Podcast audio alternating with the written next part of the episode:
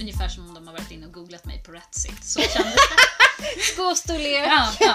Lite så. tidigare sexpartners. Exakt, årsinkomst. Och sen så, det, men det bästa var avslutningen. Och pappan, nu kör vi.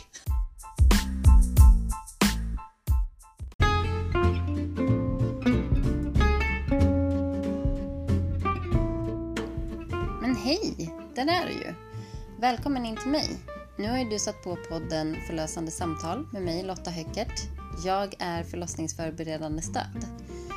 I den här podden så möter du mig och mina gäster när vi pratar om eh, graviditeter, förlossningar och eh, föräldraskap.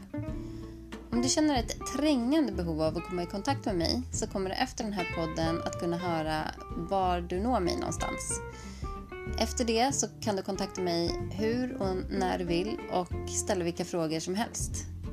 Nu börjar i alla fall podden, så nu kör vi! Välkommen till eh, förlossningsförberedande stöds tredje poddavsnitt. Det är helt sjukt vad fort tiden går.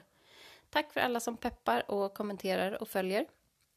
Det här avsnittet kommer ni få träffa Veronica som är min före detta klient. Eh, Hon sökte sig till mig på grund av förlossningsrädsla och sen så fick jag följa deras graviditet och förlossning. Och nu i slutet av maj fyller deras dotter Meta ett år. Eh, vi pratade om hennes eh, oro och rädsla och vi hade så himla mycket att prata om att det inte kommer finnas tid för ett outro det här avsnittet. Men hjärtligt välkomna och njut av ehm, alla bra tips och tankar.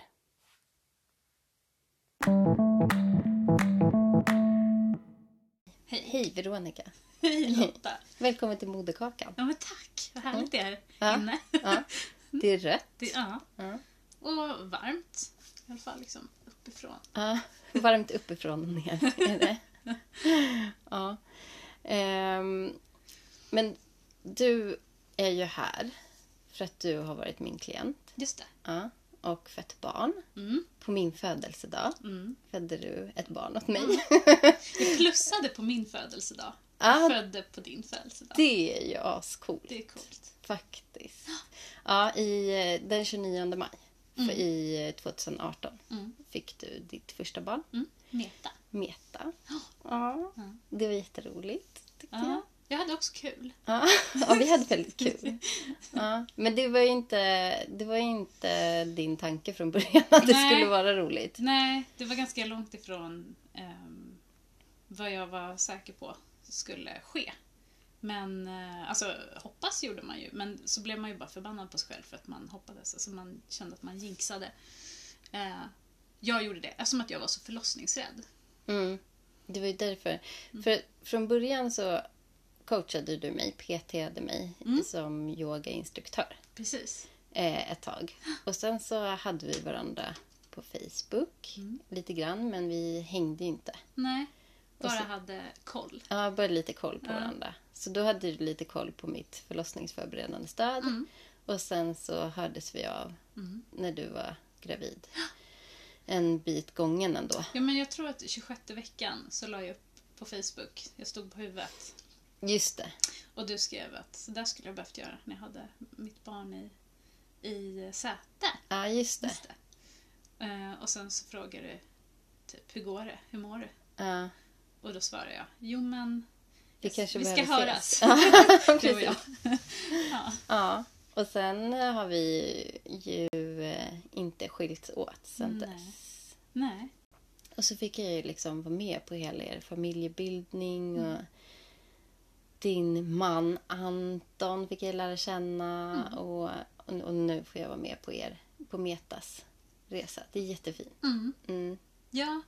Och nu är du ju inte. Nu är du inte coach. Eller du, Nej, du är ju är naturligtvis inte. coach Ja. extraordinär alltid mm, i livet. men men, Men vi är är- varandras coacher nu. Ja, precis. Mm. Kanske lite mer. Mm. Ja, men det är jätte, jätteroligt. Mm. Och bra att, det, att jag tycker att det är bra av oss att det funkar så. Mm. För det är ju kanske inte lätt att hoppa mellan de där rollerna Nej, så mycket. nej, precis. Och, men det har ju skett organiskt. Men det är nästan så det måste ske, Mm, tänker jag. Om det ska vara bra. det tror jag också. Ja. Men eh, du var i alla fall förlossningsrädd. Ja, så jävla förlossningsrädd. Mm. Mm. Primärt förlossningsrädd kan man säga då, eller säger vi i Mm. vår bransch eftersom du inte hade någon tidigare förlossningsupplevelse att Just jämföra med. Det var inte någonting som hade så gone bad i någon, någon annan gång utan det var ju första barnet. Mm. Men du har burit med din förlossningsrädsla alltid. Sen, sen min egen födsel. Ja, precis. Eh, jo, men precis. Alltså, de frågade ju mig på ehm, MVC så här, på en skala mellan 1 till 10 och jag var ju såhär, ja men kanske 13. Ehm, och, då, och sen så börjar man ju eh, berätta eller förklara eller så här, nysta upp allting som man har burit med sig. Och det börjar ju med, eh, för det första jag är förlöst med kejsarsnitt. Mm, eller Jag är, förlöst. jag är född med kejsarsnitt. Mm. Ja, precis. Ehm, så, och det var så här akutsnitt och pappa pratar ju om den förlossningen än idag och blir lite så här blek och tycker Mm. att det är jobbigt. Och din mamma pratar inte alls om den egentligen va? Ja, men Så alltså, mycket. hon är ju så här Klara Avig. Så hon berättar ju att, att det var jobbigt. Ehm, eller hon berättar väl om så här, vissa bitar som var jobbiga. Men, men hon... Vissa bitar som var jobbiga har hon nog bara så här, äh, du vet, ryckt på axlarna och gått vidare med. Liksom, Mm, det blev som det blev. Det blev Så. som det blev. Men sånt är ju inte nödvändigtvis klart bara för att man säger att äh, men det blev som det blev. Nej, precis. Mm, Hon men, kanske inte är så färdigjobbad eh, alltid med sin, nej, sin förlossningsupplevelse egentligen. Exakt. Men det som, men det som hände var att så här, det var ju så länge, alltså alla mina första år, så var det ju så barn kom till, eller kom ut. Just De kom ut genom magen. Mamma kunde visa upp sitt ärr. ehm, och, ehm, eh, och jag var så här, ja där kom jag ut. Eh, min brorsa blev ju då förlöst med ehm, planerat snitt. Så det var ju också igen det här ärret. Eh, de ville ju inte gå igenom det här igen, liksom den här... Eh, att så här, bli, Kaoset. ja, kaoset som blev, precis.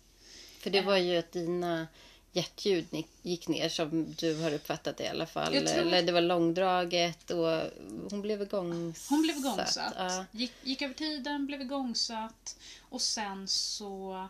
Jag kom ju ner alltså en bra bit för de drog ju mig med sugklocka. De drog mig med sugklocka tre gånger. Mm. Ja men det var ju liksom... Ja, lite kaos, lite cirkusartat sådär. Mm. Och, och då bestämde de sig för att men det vill vi inte gå igenom igen. Så brorsan är också förlöst med snitt. Eh, och ja, men som sagt, i min värld så kom alla barn Mm. ut genom liksom ett eh, snitt i magen. Så. Ehm, och när, jag minns när mamma och pappas kompisar fick barn något år efter min lillebrorsa och då ju- sa jag till henne så här, kan jag få se där han kom ut? Mm. Och hon var en gång så här, nej. Men jag vill helst inte visa. Det, det kan du faktiskt inte. Och det tyckte jag ju var jättekonstigt. Ja. Okej, drygt. Så visa bara magen. Vad är det som är som stor grej? Sen så... eh, Och sen på fritids så hade de den här boken Ett barn blir till, när man börjar bläddra och kommer till de här förlossningsbilderna. Och sen så hade man ju, du vet, svåra posttraumatiska stresssyndrom i flera år efteråt. Där man bara så här, men vad fan är det frågan om? Av själva förlossningen, inte Ja. av tillblivelsen. Nej, nej, nej, utan naturligtvis förlossningsbilderna. Ja. Ehm, Men kommer du ihåg att la du ihop det då med att, så här, att hon inte hade velat visa? Inte då. Nej. Nej. det kommer ju så mycket senare. Men det är så mycket saker som så faller på plats när man Mm, när blir man äldre. äldre. Ja. Ja. Eh, precis. Men där någonstans så började man ju också få förklarat att okay, det finns ju olika typer av förlossningar. Mm.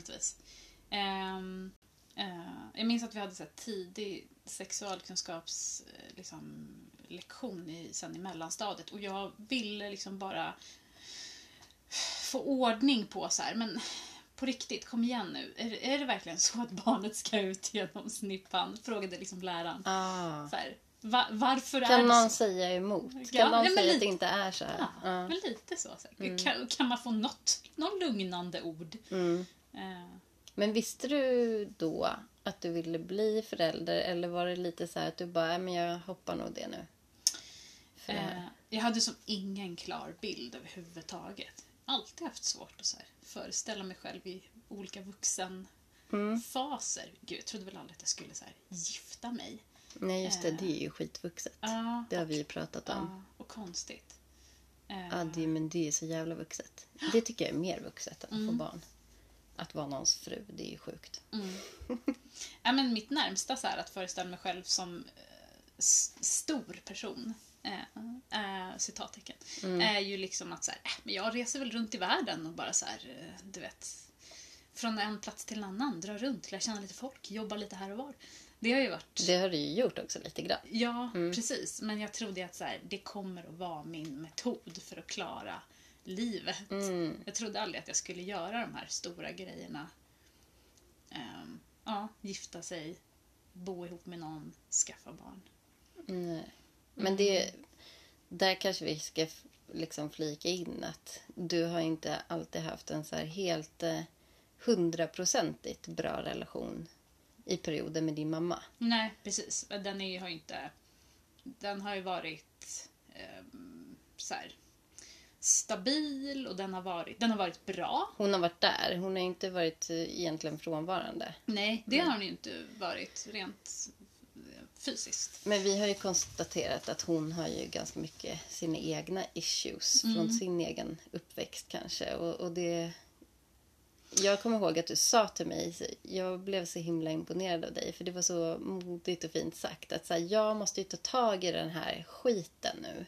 Så att jag inte lägger det på min, mitt barn. Ja, Och det var ju alltså jävla grymt insiktsfullt och moget och vuxet och bra som blivande förälder att inse det. För att man gör ju en sån sjuk resa ändå när man är gravid i sig själv inför föräldraskapet och sen så behövde du dessutom ta reda på röran som du hade inom dig.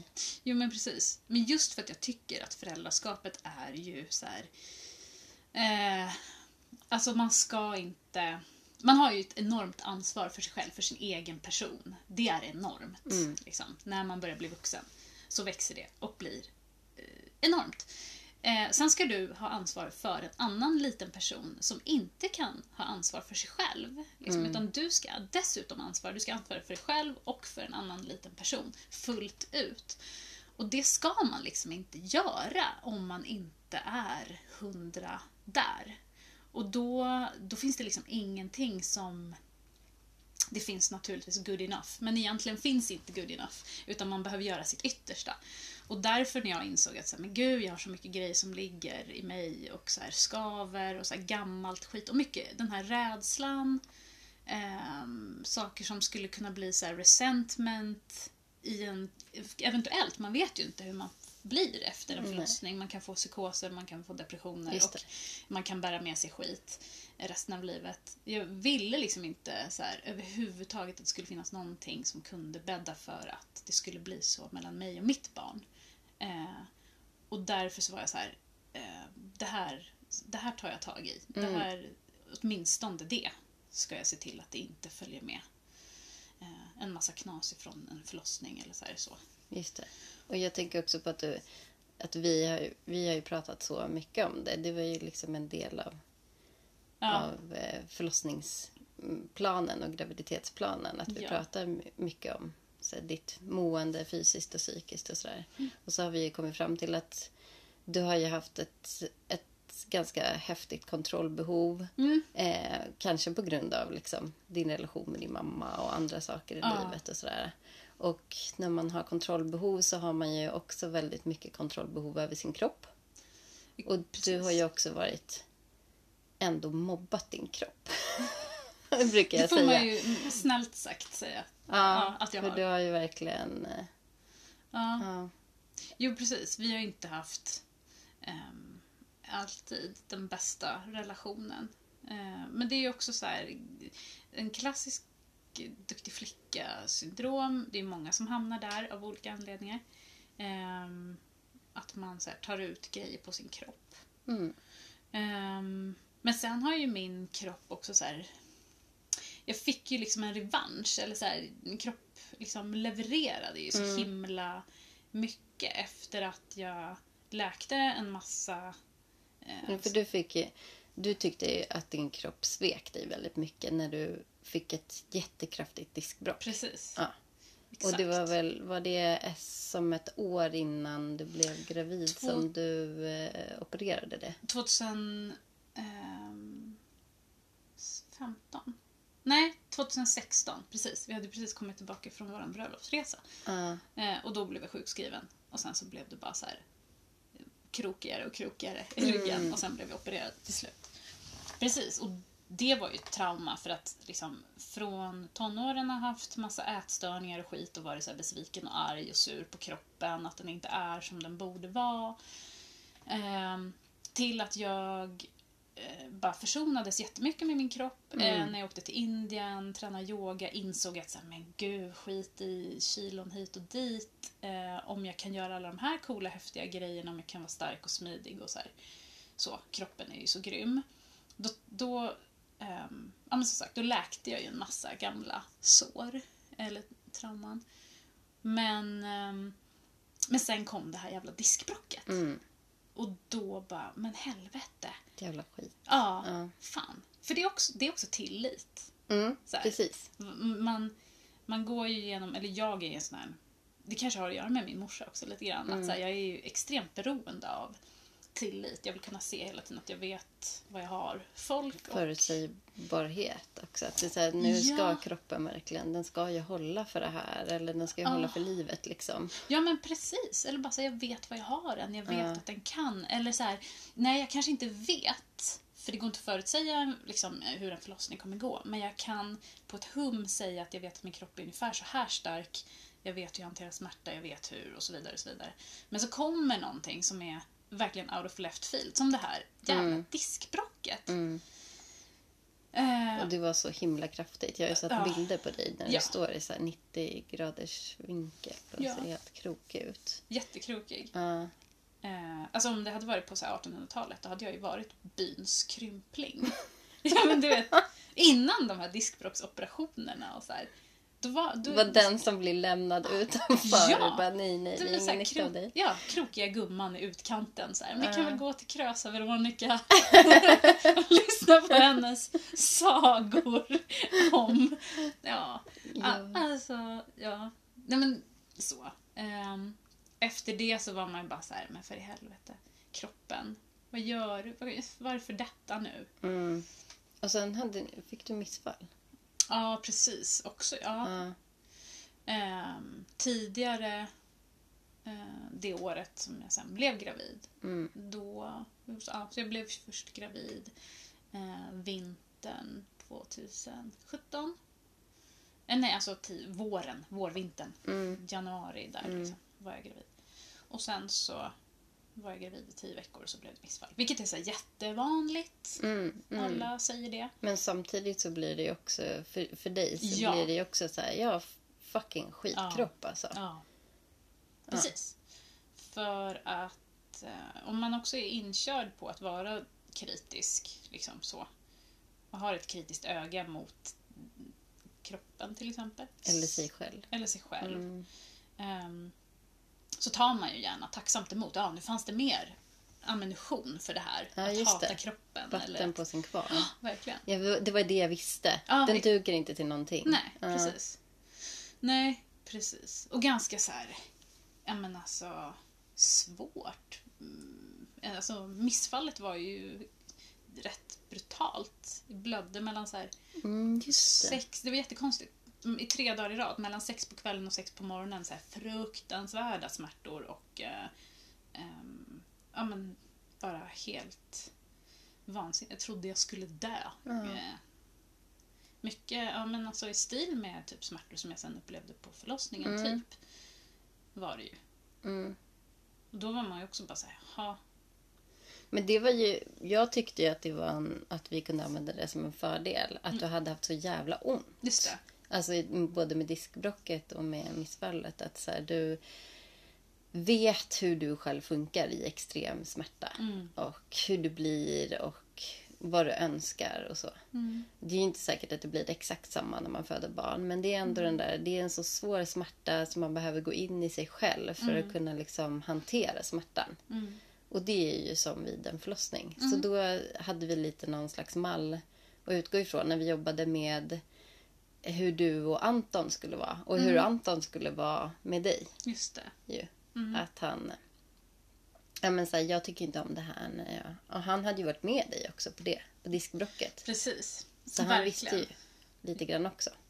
Ja, alltså Anton är ju en, en jävla hjälte på riktigt. Ehm, så han, ja men inför dagen, dagarna innan operationen, diskbråcksoperationen, ska man ju här duscha tre gånger. Bara ta sig in och ut ifrån, liksom, ur badkaret var ju så här, men skjut mig bara istället, avliva mig nu. Och, så, och så skulle man ju då duscha. Det var ju han som fick så här, hålla på att sitta och skrubba mig med anti eh, bakteriellt eller desinficerande tvål som man fick med sig pre-op. Och eh, ja, så att ha haft honom där att så här, bada mig, det var ju verkligen, han kände ju verkligen till mig i smärttillstånd. Mm. Det får man ju säga. Så det var Ja, ju bra. det han. Ja, han är jättebra. Mm. Mm. Ja. Men, eh, men sen som sagt så fick du revansch. Ju. Du blev gravid och du gick en hel graviditet. Mm. Exakt. Och vi träffades ganska regelbundet och Mm. pratade om allting Mm. möjligt. Fysiskt och psykiskt. Och planerade la upp en, en eh, förlossningsplan som var ganska solid. Verkligen. Och parallellt med att du också gick inom landstingets på, på Södersjukhuset. Eller du hade din mödravård i Liljeholmen. Ja. Precis. Och där, eh, där, efter att jag hade fått skatta mig själv då, hur rädd jag var, så sa de ju så här, nu har vi ett nystartat projekt som heter Trygg och föda. Ehm, ja, precis, inom landstinget. Alla utom Södertälje är med på det här. Och då var det, eh, det var gruppmöten, eh, möten, eller så gruppterapi kan man väl kalla det. Ish. Ehm, För förlossningsrädda eller Ja, oroliga. precis. Och deras partners. Partners, ja. Mm.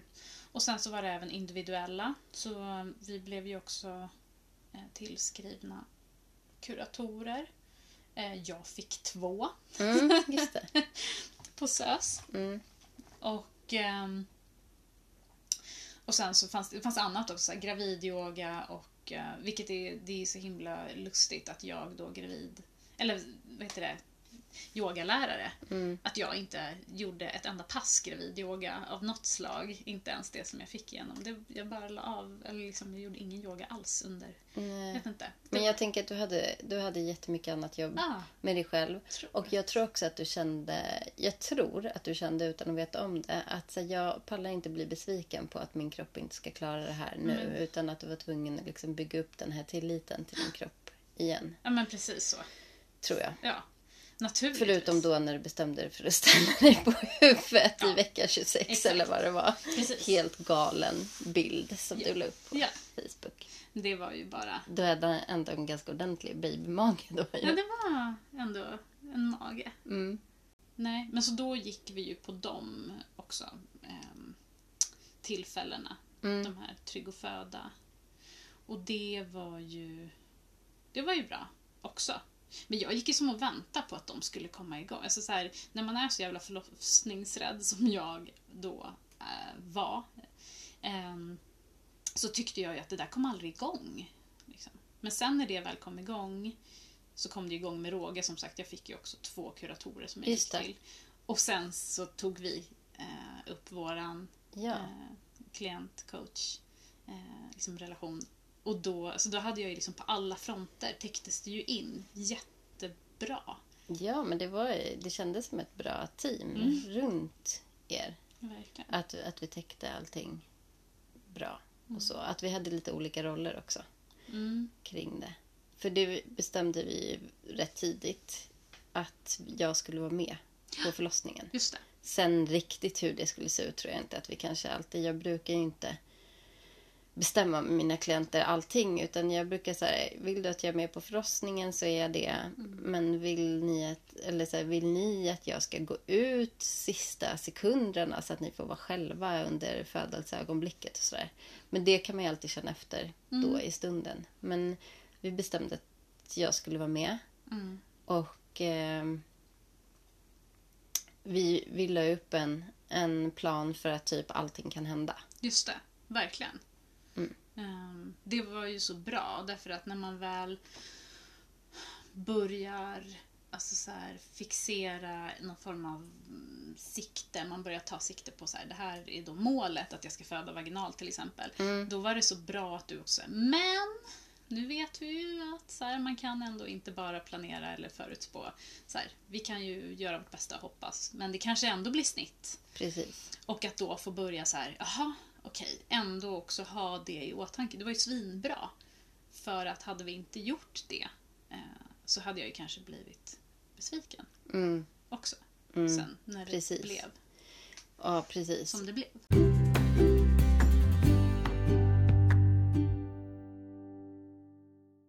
Jag stod och väntade Mm. utanför och så gick vi upp tillsammans. Och sen så vet jag att jag väntade på att nattpersonalen skulle komma på- klockan nio på kvällen. Och så tänkte jag så här, men då installerar jag er med nattpersonalen så Just att jag liksom eh, får lämna över er. Mm. Och sen så åker jag hem och sover och sen så får ni höra av er om det skulle hända någonting under natten. Mm, jag räknade ju iskallt med att det skulle ta tid, det ska man ju aldrig göra. Men jag hade ju inte så långt in till SÖS Nej. heller. Nej. Och det är ju bättre att ni fick liksom vara själva och försöka sova. Mm. Men då hade ju du så, dig själv likt legat och kämpat lite grann medan Anton sov och inte sagt någonting till honom. Och det Nej. vart liksom tuffare och tuffare. Ja. Och inte ringt på klockan. Precis. Det var ju inte... ehm, det var ju, vad ska man säga, irriterande tror jag var liksom min eh, här, allmänna känsla just då. Jag var irriterad över läget. Att så här, framför allt eh, det här att eh, barnmorskan kommer in och säger varannan timme då så här, eh, försök att sov. Om man har liksom verkar mellan så här, var åttonde minut. Och man är så här, men hur tänker du att det ska gå till? Så. Eh, och det hade ju såklart gått till om jag hade bett om smärtstillande. Smärtstillande, Eh, men jag tänkte att så här, men det här är förmodligen inte tillräckligt ont. Det, det är så mycket som är konstigt. Att man inte kan bedöma att men jag har så pass ont att jag naturligtvis inte kan somna. Men, men jag har förmodligen inte så ont, så jag ska inte be om värktabletter. Nej, man vet inte hur det ska vara. Nej. Och sen är ju du en sån som verkligen inte ber om hjälp. Nej, precis. Och har väldigt ont och kämpar väldigt mycket med dig själv innan du liksom så här. Jag orkar inte mer. Nej, precis. Det Ja. känns som ett stort diskbråck. Mm, min, min Ja. klassiska. Ehm, när de till slut sa att jag hade ett diskbråck så var det ja, det känns som ett stort diskbråck. Och det var lite så också med Ja. förlossningen. På morgonen när hon kommer in och så här. Men hur, hur har du? Har du ont? Ja. Ja, jag har nog lite ont. "Ah, Men varför har du inte bett om smärtstillande? ja, man kanske ska ha det då. Ja, här. Vill du pröva en tensapparat? Okej då. Mm. Ja. Och vi hade ju gått igenom det också Ja, innan. Vi hade gått igenom tydligt så här, vad finns det för olika smärtstillande metoder Just och det. hur fungerar alla dem. Och vi hade gått igenom allt som kan hända under en förlossning, precis allting. Mm. När de liksom så här, hur går det till med en sugklocka? Hur går det till när de tar det här provet på barnets huvud ibland? Och varför gör de det? Och vilka är det som gör det? Och, och också snitt hade vi gått igenom en del Precis. hur det, hur det skulle kunna vara. Mm. Och så du använde ju lustgas också. Mm, precis. Det bytte vi ju. Eh, vi bytte ju tensen mot lustgas sen. Mm. Och det var ju också jättebra, tyckte jag. Mm. Ehm, ända fram tills... Alltså, eller så här, lustgasen var ju bra. ehm, hade säkert funkat längre. Men, men vi bestämde ändå att, ju, att vi skulle sätta in en EDA. Mm. Eh, Jag hade nog klarat mig lite längre på lustgasen. Men, men det var ju för att vara proaktiva Just det. som EDAn kom in. Ja, då la de en, en relativt tidig EDA skulle jag säga. Ja. Eh, sen så fick du bra effekt av den. Ja, verkligen. Jättebra.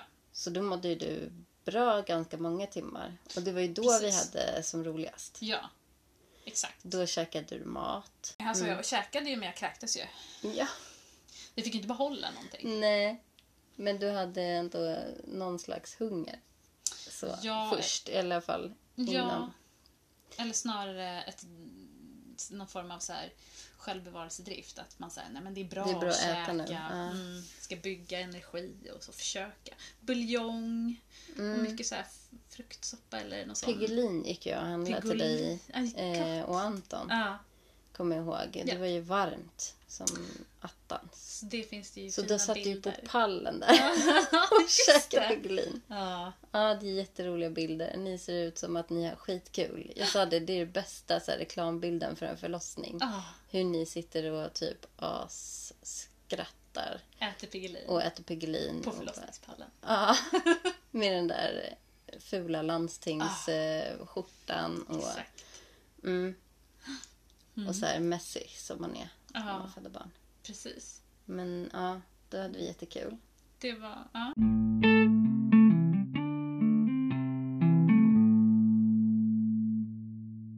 Och sen så kom vi in i en svacka. För det började dra ut Ja. på tiden och det tickade ju på ganska bra framåt med öppningsgraden och sådär. Men sen Mm. så liksom stannade det upp lite grann. Det var framåt kvällen. På måndagen ju. Mm. Så. När det hade gått över ett dygn, ett och ett halvt Mm. dygn sen du blev igångsatt då. Och sen så... Ja. Det, det började, då började det också bli jobbigare med så här verkarna. Minns jag det som. Mm, Eh, Eller så här, de började kännas... För då tog vi fram lustgasen igen. just Den det. hade vi liksom inte haft. Lagt undan sen du fick Ja. ryggbedövningen. Mm. Precis. Och det funkade ju bra och sen så började jag ju få ont i magen. Mm, När, vid skiftbytet där. just det. Och då hade du liksom ont på, också på ett annat sätt än att det var verkar. Ja, Du hade liksom ont i magen och sen hade du ont i värkmagen. ja precis. Och Båda de två. gick som om varann. Och då hade du ändå kräkt en del. Och, ja. Mm. Och sen så kände du att det var lite hopplöst och jag kommer ihåg att du var jätteledsen då. Mm. Mm, Precis. Och det var ju för att det kändes svårt att, bara, att vara on top of things. mm, Eh, innan så var man ju så himla så här, ah, men de säger att det går framåt och jag är i nuet.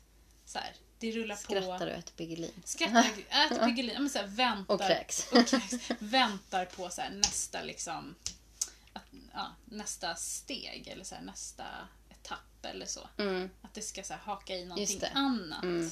Att det liksom blir en progress. Att Ja. det händer saker. Liksom, Exakt. nästa grej. Ja. Eh, men istället så var det som att det bara så här rak sträcka, ingenting Mm. händer. Eh, och sen så började det dessutom nej, men så här, saktas. Stanna, stanna upp. Mm. Ja. Och då blir det också eh, lite fysiologiskt så här, när det är en lång progress. Mm. Eller en långsam progress. Och det inte händer jättemycket kanske på slutet sådär. Och det blir eh, ett väldigt tryck ju, ner. Mm. Då blir det också så att det blir som tjocka kanter runt cervix. Ja. Och det blir liksom svullet. Vilket gör att det också blir liksom svårare att släppa fram barnets huvud. Mm. Eh, och det är, det är typ det som händer då. Mm. Eh, och där hade vi ju också en, en plan. Vi hade ju, eller jag hade sagt Mm. att jag tycker att innan vi får en upprepning av din egen födelse, att så här, innan Mm. man verkligen försöker på alla sätt att få ut det här barnet när det går väldigt långsamt och du är väldigt trött och man liksom tappar sugen. Där du hade börjat komma in i den fasen. Att man blir ledsen och trött och det händer ingenting. Mm. Och så ska man liksom forcera ut ett barn med sugklocka eller försöka få, få liksom ut ett barn som... Mm. Och sen så helt plötsligt så kanske barnet också till slut börjar tappa sugen. Mm. Och, och då ser man det på sjunkande hjärtljud och så blir det en, en skittråkig och traumatisk kaosupplevelse som det blev för dina föräldrar. Mm. Så sa jag att innan det händer så vill jag att, att man försöker besluta om att gå på ett lugnt eh, akutsnitt. Och akutsnitt i det läget handlar ju om att det inte är planerat sen innan. Mm. Men det blir inte akut på samma sätt. Nej, precis. Katastrofsnitt som man pratar om i min Precis. mammas fall. Mm, Det är klart man kan harva på och det är Mm. klart att man kan ta kanske att det stannar av. Eh, alltså så mycket förberedd som jag hade blivit via liksom, våra samtal och så genomgångar kring vad, alltså, hur man använder sugklocka och att det är bra. Ehm, alltså, det är fine. Men sen efter 34 timmar, då är man ju inte så jävla mycket mm, champion för någonting. Förutom att så här, kan jag få sova nu bara. Mm. Så då, liksom, ja, även om man vet att så här, det här är bra och det här är, ehm, alltså, ehm, du fixar det här. Så är man ju, alltså jag var så jävla trött, började bli Mm. då. Ja, och det var ju så vältajmat för oss också. För att jag hade ju... Eh, jag hade än inte börjat jobba på SÖS förlossning då. Just det. Utan jag jobbade ju fortfarande på Huddinge förlossning. Mm. Och skulle börja på SÖS bara några veckor senare. Så att jag var ju jätte... Eh, det var ju liksom som en liten prao eh, några dygn för mig på SÖS förlossning. Men jag hade en hel del kollegor som hade gått över och börjat jobba från Huddinge förlossning som hade börjat jobba på SÖS under våren. Och jag hade ju, jag kände ju några barnmorskor som jobbade Mm. både nattskift och dagskift. Mm. Så då hade ju vi, jag pratat med dem som jag visste att, och som jag tycker väldigt mycket om. Som var mina liksom, Mm. favoriter. Och bara, men om, om det skulle bli, långt innan, flera veckor innan. Så här, om det skulle bli då att du jobbar ett pass, kan inte du komma in hit då? Så då lyckades vi få en av dem på dagen, på eftermiddagen. Fast hon var ju mer mentorsbarnmorska till, till en, en nyutbildad barnmorska. Precis. Som också var jättegullig och rar så. Men, men min, min favorit Lena var ju i bakgrunden också. Precis. Alltså, så att hon kom in och hälsade. Och, Men det var ju grymt. så, ja. Det var ju som dubbel Ja. styrka. Ja, det är ju jättebra. Ja. Alltså både barnmorskestudenter och de här mentors Ja. som liksom går intropass som är färdiga med så. De är ju, det är ju asbra. För då får man verkligen dubbelt. Och så finns det en undersköterska så du har mig så trippelt. Ja. Med, och de var ju, ja, de var ju så himla bra. Nu är ju du och Anton också så himla bra och sköna personer. Så att eh, det är svårt liksom inte tycka om er och inte klicka mer. Men, men de var ju också som, eh, det var som att stjärnorna hade fått vara med och, och önska personer där mycket tycker jag. Men det var ju... hela passet. Men sen så på nattpasset så fick vi in en annan favorit Just det. mig, Karin, Mm. som dök upp. Och hon kom ju precis där Just det. i den, och vi hade hörts under dagen hon och jag. Så hon frågade hur är det och liksom, ja, vad händer? Så att vi visste att hon skulle komma in. Mm. Och jag uppdaterade henne innan hon kom till jobbet på eftermiddagen om att så här, nu händer det här och nu börjar det ta lång tid. Och så. Mm. Så hon tog ju och undersökte dig och du fick provkrysta. Just det. Och du var ledsen och hon frågade liksom, hur känner du själv? Ja. ja, exakt. Och då var man ju... Och då var ju du öppen ändå ganska mycket ska vi ju säga. Åtta? Det, ja. Så Ja. det var ju liksom nästan hela... Precis. Men ändå, de här jävla kanterna. Som det tjatades om där de sista timmarna. Det är så himla jag- mycket så här, hängt upp dig på de där jävla kanterna. Ja, det är så jag typiskt mig att bara ha så här tjocka Kanter. kanter. För att de hade, har liksom också skrivit att det var Ja. i journalen, så Ja. tjocka kanter. Ja, men det pratades så mycket om dem så man börjar ju föreställa sig. Och det, man har ju inget eh, som helst så här att man kan föreställa sig det i ens egen kött och blodform. Utan det blir då så här, det är tjocka pizzakanter, det är en slarvigt utkavlad pizzadeg, där det är mycket kanter. Alltså så här, det tar ju sina bisarra former. Ja, och du gillar inte slarv. så du bara, "Ha, varför kunde ingen ha gjort min pajdeg jämn och tunn och Precis, fin? Och så här, Exakt. gör om, gör rätt. Jävla kanter. Ja. Eh, nej, men alltså så här, man förstod ju att här, det är ju inte optimalt naturligtvis att det ska vara en massa extra vävnad liksom eh, där när barnet ska ut. Så. Och de var ju tjocka och jag var ju bara öppen åtta. Bara, bara. Ja, men. Det var ju bara två centimeter kvar då. Ja, Och det jag tror att det var så att de tyckte också att så här, om man trycker på de här kanterna som Mm. ju en- kan vara lite Ja, Det gjorde de ju ja. mycket. De och då, då ju. säger de ju så här att ja, jag kan dilatera till 9 centimeter eller 10 centimeter. Men sen så kan det ju gå ihop igen då. Mm. Så att de fick ju upp det liksom ganska bra. Men det var ju en, en liten bit kvar Ja. tills du skulle vara fullt öppen. Precis. Liksom. Och jag fick inte till någon bra kryst heller. Alltså vi hade ju inga Du kryst. provade två gånger. Ja, men... Det är ingen som får till en bra kryst Nej. två gånger. Nej, man ska ju ha de där krystverkarna har jag förstått det som också. Man ska ju, de, Ja, det är det inte alla som får. Nej. Heller, med första barnet. Alltså det är långt ifrån alla som får den tryckkänslan ens på slutet. Nej. När man, när man egentligen har det. Och särskilt om man har tagit en ryggbedövning kan det vara svårt. Eh, så att, men det är inte alla som får den. Men och en del får en inte heller. jättetidig Ja, just istället. Just det. Och det vet jag ju också. Eh, folk som, Att när du börjar trycka. Liksom, ja. där de har sagt till dem att så här, det kan inte vara det. Och sen så bara, jo, det Mm. var fan det. mm. Mm, man ska aldrig säga aldrig. nej. Men, men då Då... ehm, gick Karin Ja. barnmorskan ut och pratade med en läkare, som man gör. Mm. Rådgör med en läkare. Och så bestämde de att om du själv är okej med det Mm. så går vi på ett lugnt, Mm. ett lugnt snitt nu. Mm. Precis. Kommer du ihåg hur du kände då? Alltså jag minns det ju som att de frågade mig så här, vill du...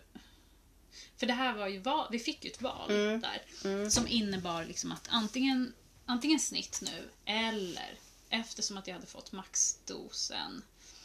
Alltså Ehm. värkförstärkande dropp. Precis. Syntosonon-dropp som man får. Precis. Mm. Ehm, Det gick ju väldigt högt. Och till slut så Ja. blir kroppen inte receptiv för Nej. det liksom längre. Den blir inte stimulerad av det längre. Nej. Så då säger de efter 34 timmar att då ska vi i sådana fall ta ut det, låta dosen gå ur kroppen, sen sätta in det igen. Och då får vi se. Det Mm. Och kanske- trappa upp liksom så här, starta Exakt, om. Exakt, starta Bota, bota om. om förlossningen. Ja. Exakt, efter 34 timmar. Mm. Eh, är du pepp på det? Sådär. inte så. Det låter ju orimligt. Det kan, inte vara, det kan inte vara ett bra val riktigt att köra på det för oss. Eh, Nej, det kände verkligen inte jag heller. Nej.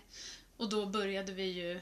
Ja, men vi sa, jag, jag var väl kanske inte så himla beslutsam i det läget. Jag kanske var lite så här, jag vet inte, jag har aldrig fött barn för bestäm ni. Mm. Gråtig. Ja, du var gråtig och Uppgiven. uppgiven. Ja. Och jag vet inte. Ja. Jag minns det inte som att jag tycker att jag övertalade dig. Nej. Men jag tror att jag så här, eh, jag tror att det här blir bäst Ja, för det- alla inblandade. Och att vi också hade ju pratat om det som sagt Ja. innan. Ja, Att så här, innan det blir den här skittråkiga upplevelsen precis. så tar vi hellre den här upplevelsen. Det var ju inte... Att ni får vara med och liksom någonstans känna att vi bestämmer det här nu. Men det var inte kritiskt, alltså ens, vad ska man Det var säga? inte kritiskt med Meta. Hon Nej. mådde jättebra. Och inte för mig heller. Jag bara bröt ihop lite. liksom. Nej, det var inte kritiskt så på det sättet. Men du var ju Nej. trött. Ja. Du, du tar ju på krafterna. Ja. Och även, det ska ju sägas, att även när man får en epidural bedövning som tar väldigt bra Mm. så fortsätter ju kroppen att jobba. Så även de där timmarna när du mådde hyfsat bra Mm. så är det ju inte så att kroppen slutar jobba. Nej. Kroppen förbränner ju utav helvete under den tiden. Just Så att det. den är ju trött. Och Just livmodern är ju skittrött. Ja, för verkligen. Mm. livmodern är ju en muskel. Den får ju liksom mjölksyra. Ja. Den orkar ju inte mer till slut. Och, och man är trött, man har inte sovit helt hundra, man har kräkts. Ja. Man har varit spänd och nervös. Det är mycket adrenalin i omlopp. Och Mm. jag menar, man skakar i hela kroppen. Och det är klart att man är gud. helt slutkörd. Verkligen. Ehm, så att... Så att där kände jag ändå så himla starkt. Alltså, dels att det var bra att vi hade bäddat för det. Ah. Att det kan bli så här. Så att det inte kom som en total chock. Eller att det kändes som att, att du misslyckas. För så tror jag att många kan känna. Mm. Om man inte har alls tänkt det scenariot. Att så här, nu har jag kämpat så här jävla långt. Och så ska det, vadå, ska det bli snitt nu? Mm. Nej men precis. Ehm, och den, den kan jag verkligen förstå. Men jag var ju så pass bra preppad att jag inte hamnade där alls.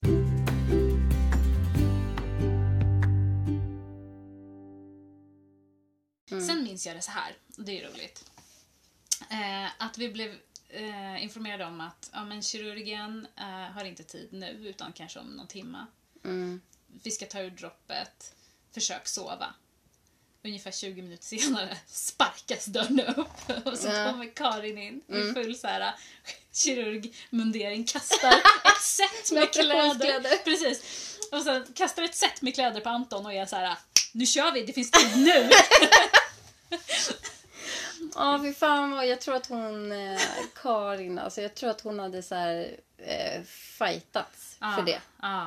Verkligen. Så här, Ja. I kulisserna så Ja. hade de gått ut och bara så här. Ge oss den första operationstiden. Min patient är ledsen och gråter. Hon Ja. behöver komma in på operation. Ja. Det var, ja. Så ja, men då Ja. gick det ganska fort Ja. där. Men då håller man ju på så här, sätter kateter ska Mm. man göra. Och eh, hänga upp ett annat dropp som är ett vanligt Mm. vätskedropp. Precis. Och sen går det ju ganska fort. Sen eh, fick inte jag vara med längre. Utan Nej. in på operation så får man ju bara ha med sig en medföljare. Just det. Vilket är lite roligt. För hade det varit två veckor senare och jag hade jobbat där som undersköterska så Ah. hade jag ju fått gå med in. så det var ju så här, ja, nästan. Ja. Ja, men då hade ni er egen undersköterska som var med in. Just det. Men eh, de är inte heller med inne på salen. Så, Nej. men Anton var med Just det. in på operationssalen. Mm. Och det här har ju vi pratat ganska mycket om också. Alltså det roliga i, och det vet ju du också, tänker jag, från när du är född med snitt. Ja. Att det är just det här äh, från att komma från barnmorske liksom världen Ja. inne på In till- förlossningssalen. Hur, hur liksom bara själva diskursen och allmänna moden är. Lite omvårdande Ja. och mysigt och Precis. varmt och Kvinnligt. liksom nedsläckt och bara omhuldande. Komma in på OP när Mm. det är alltså militäruppställning. Alla så här läser ifrån sina så här brickor som de har runt halsen. Ja. Såna här, vad heter det? Såna som man har i militären. Det var ungefär så det Ja, kändes. namnbrickorna. Namnbrickorna. Man, ja, man Typ tar ett så kallat time-out som man gör innan operation. Heter Ah. det. Då man så berättar varför är vi här. Det är en förstföderska, långsam progress. Mm. Eh, barnets huvud står här och här. Eh, vi väljer ett elektivt snitt på grund av långsam progress. Mm. Vilka är det som är här?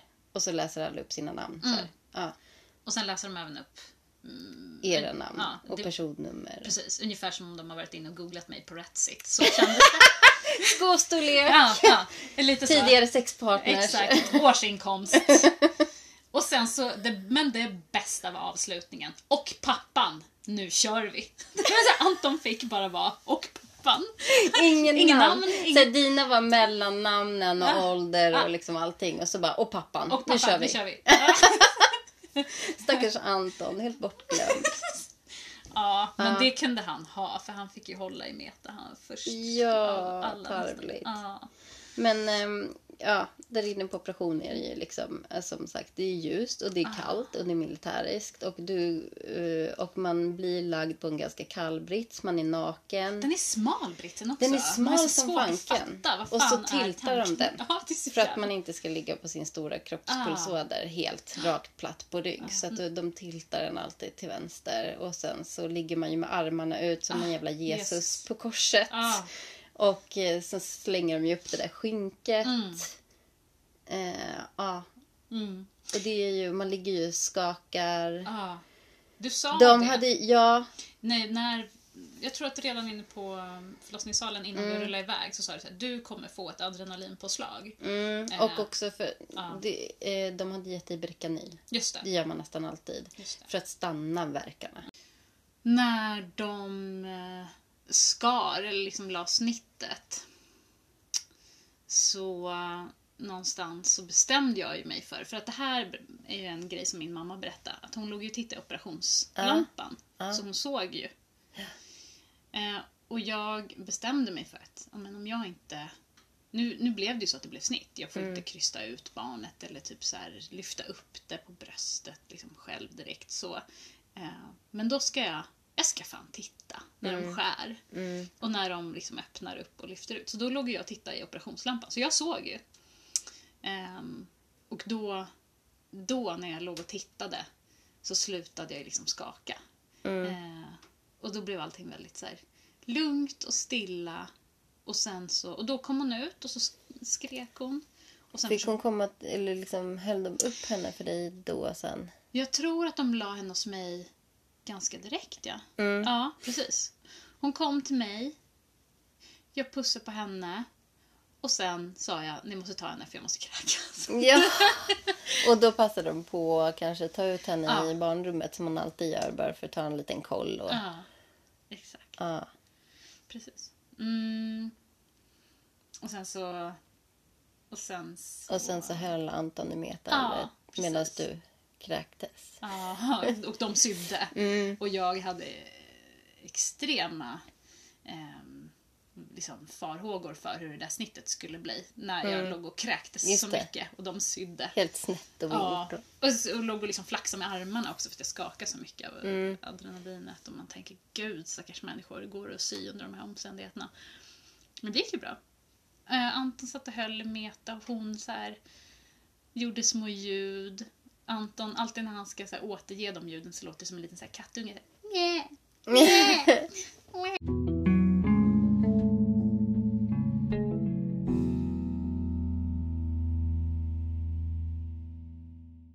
Det är jätteroligt med olika perspektiv. Mm. Alltså ert perspektiv och mitt. Och mitt som var med nästan hela vägen Ja, tills ni lämnade ja. för Uppsalen. Mm. Jag följde till och med liksom med er så långt så att dörrarna slog igen och jag fick en sista så här överexponerad bild på Anton i operationskläder som är så här ljus så att det ser ut som att han går in liksom Går in i ljuset. ljuset. Ja. Och så kom ni tillbaka med ljuset. Ah, Ja, med som en hel familj. ah. Och då hade ni liksom ändå hunnit de här första minuterna. Jag tycker det varit fint ändå. Liksom själva. Eh, ja, det var ju med hela upp-teamet Mm. Ja, då, i den här militäriska Men, men de var ju så mysiga och familjära. Precis. Not. Men eh, ja, men ni kom tillbaka ja. och var en hel familj. Precis. Och det var ju rosenskimrande kändes det som. Hon Det- låg där på, på dig och låg vid bröstet, letade ganska fort. Och Mm. Ni hade er flaska med bubbel. Just det. Fick jag inte dricka. Jag hade ju, Just det, var ju du redan hade hög ju... på ryggbedövning. Ja, du hade fått en jättemassa starka värktabletter och så också. Mm. Så du fick du, men du fick, jag tror att du tog en pyttemun. Eller så Ja. en, en typ läppjade på det. Ja, Ni precis. skålade i det. Och, Ja. mm, Jag minns det som att jag fick du ju... var väldigt snabb Ja, med att ta undan glaset. ja, precis. Det, naturligtvis. Inte helt smart. Synd ju. Men, och sen så tror jag ju att jag blev serverad ett glas i Ja. alla fall. Så att det, var, ju- det var därför jag var snabb med att bara rycka undan det. Jag bara, här, jag tar det. Jag måste ju rädda dig från den här blandningen. Ja. ja, det tackar vi för. N- nu. Ja.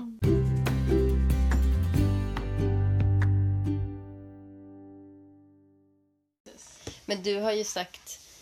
Dels så sa du ju direkt när du kom tillbaka.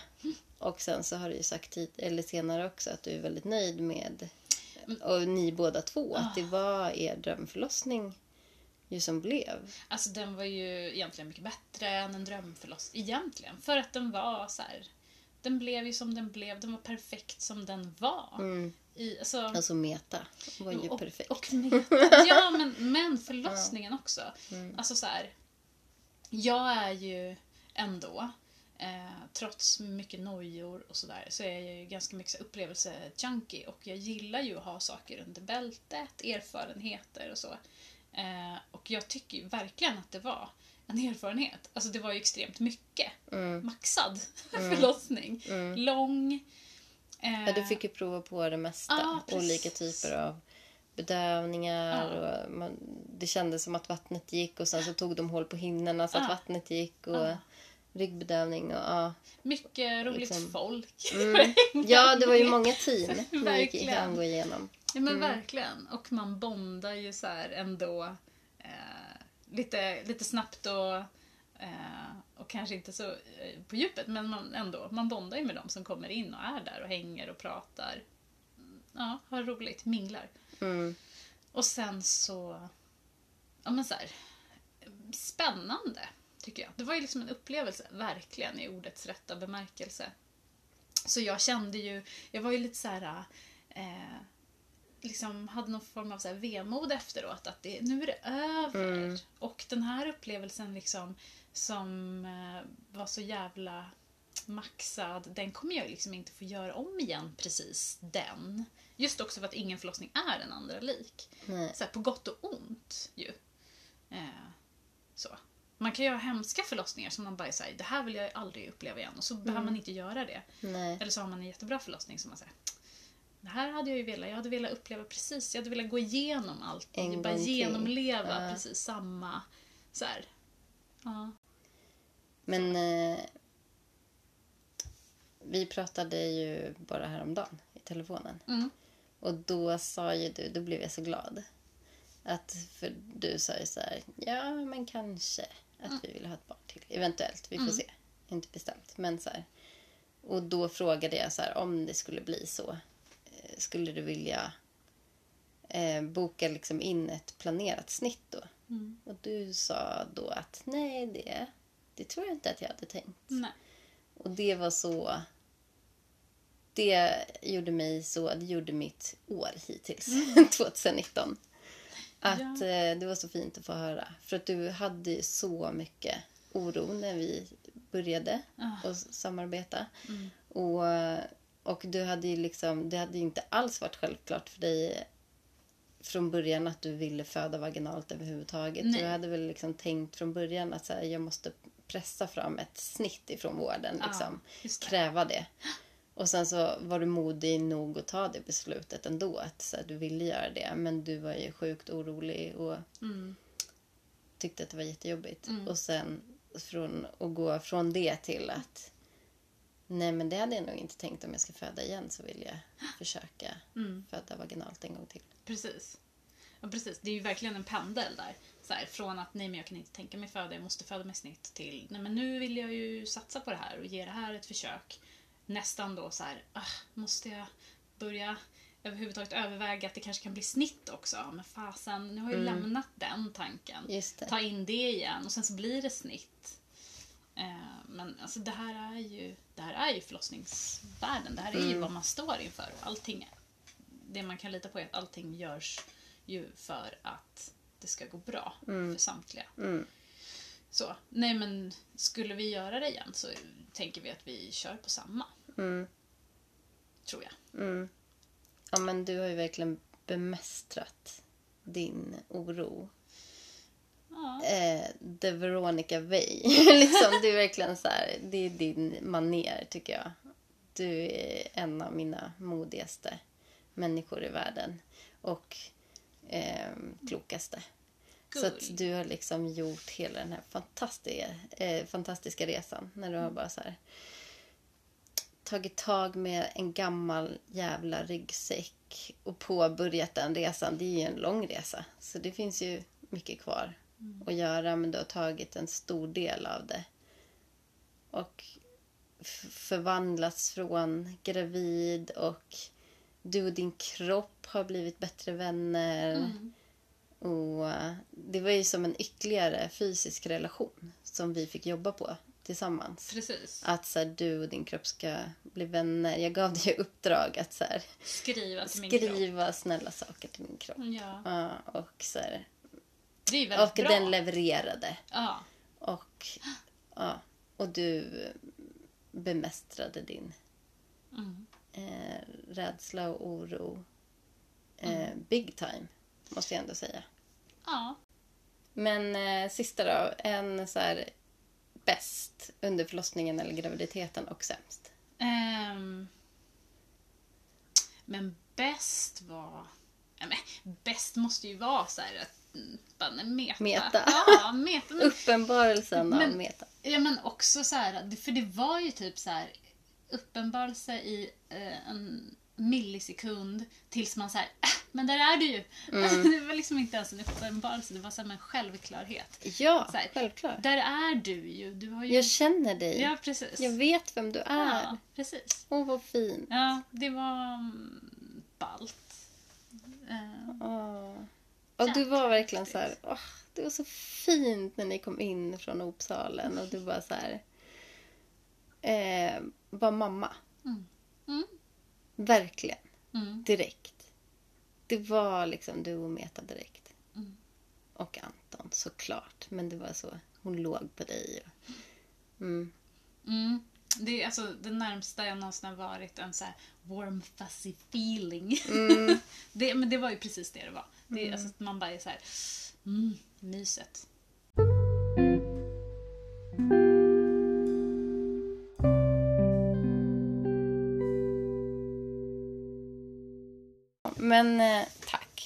Kom hit. Ja, tack. Eh, ja.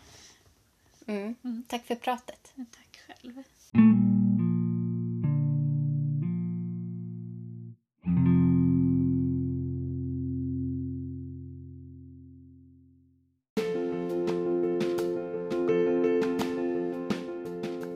Du har just hört podden Förlösande samtal med mig Lotta Höckert.